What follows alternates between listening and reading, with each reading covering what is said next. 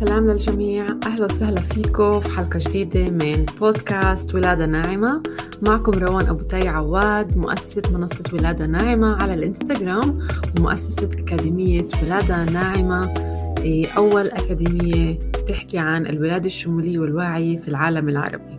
الأكاديمية اليوم افتتحت وصار في إمكانية للتسجيل للدورات المختلفة والاستشارات مع المختصين المختلفين وأيضا تحميل الملفات السمعية من تأملات خيميائية وتأملات غير خيميائية ل إيه، لفترة الحمل وفترة الولادة نفسها وفترة ما بعد الولادة.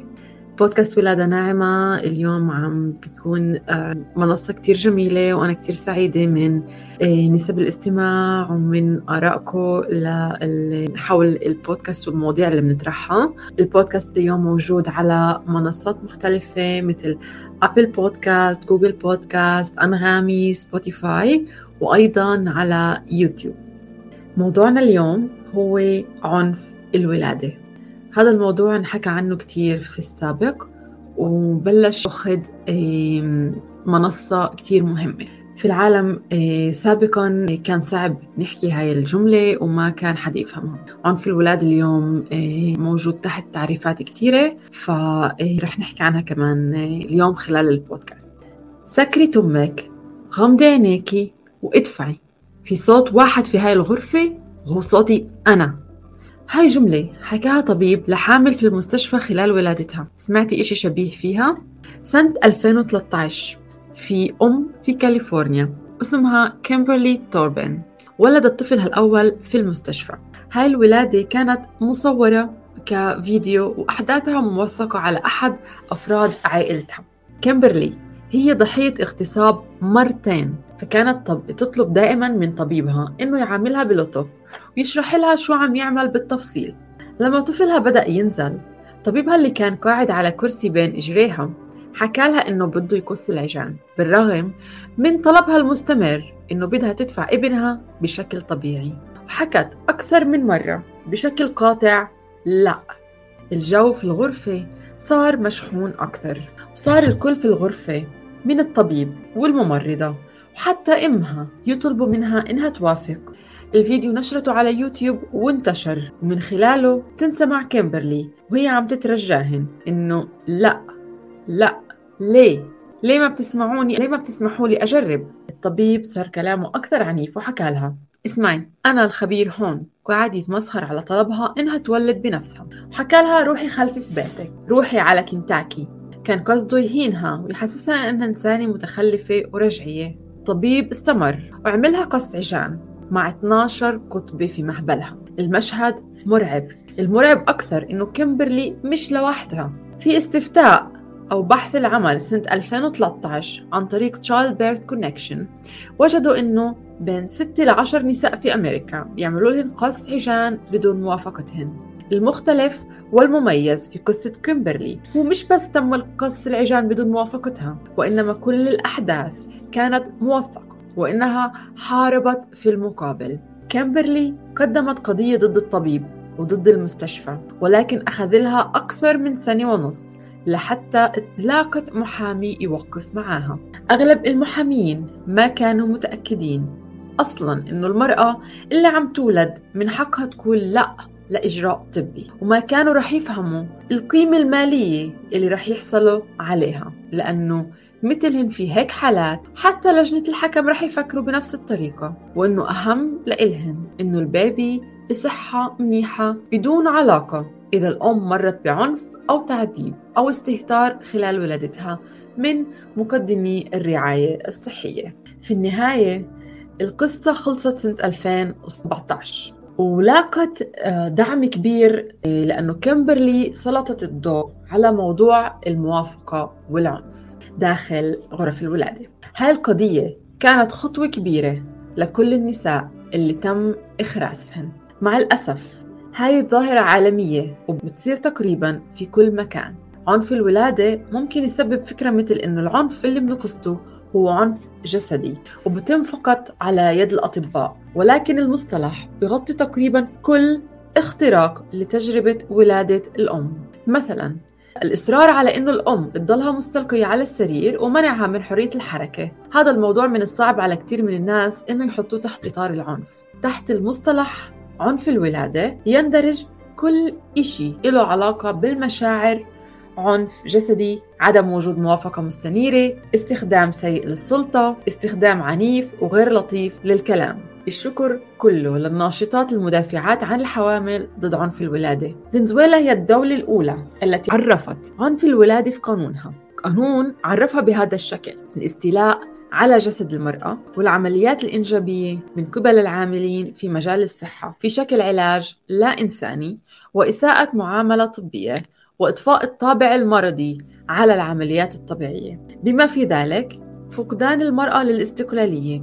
والقدرة على اتخاذ قراراتها بحرية بشأن جسدها وحياتها الجنسية مما له عواقب سلبية على نوعية حياتها. جزء من الأشياء اللي تعرف كعنف ولادة حسب القانون الفنزويلي هو الاهتمام المبكر وغير الفعال بحالات الولادة الطارئة. إجبار المرأة على الولادة في وضع غير مريح عندما تتوفر الوسائل اللازمة لإجراء الولادة العمودية. إعاقة الارتباط المبكر بأمه من دون سبب طبي. تغيير العملية الطبيعية للولادة منخفضة الخطورة باستخدام تقنيات أخرى. إجراء العمليات القيصرية عندما تكون الولادة الطبيعية ممكنة دون الحصول على الموافقة الطوعية والصريحة والمستنيرة للمرأة هيك عرفنا عنف الولادة وجبنا حالة اللي هي بدأت تقريبا الصراع حول عنف الولادة. ولكن أنا كروان كناشطة في هذا المجال كصاحبة منصة على الإنستغرام يصلني يعني يوميا العديد من الرسائل اللي بتحكي عن عنف الولادة. عن نساء مروا بأحداث مختلفة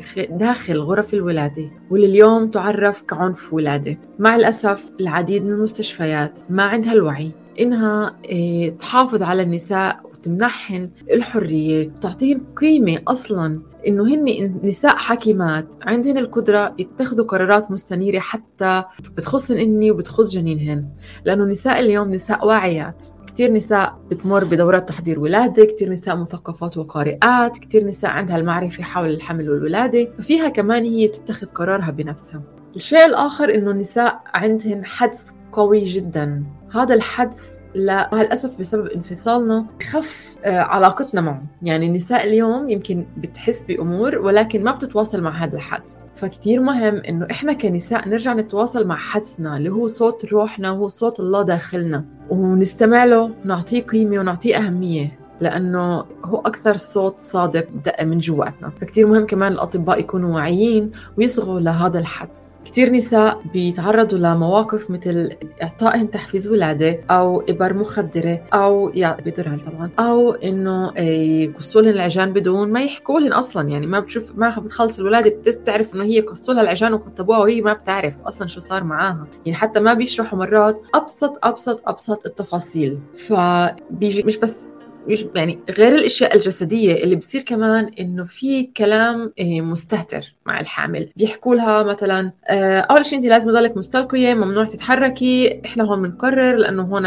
هاي سياسة المستشفى آه، بلا بلا بلا. إحنا بنحكي لك إنه ممنوع تشربي ممنوع تاكلي.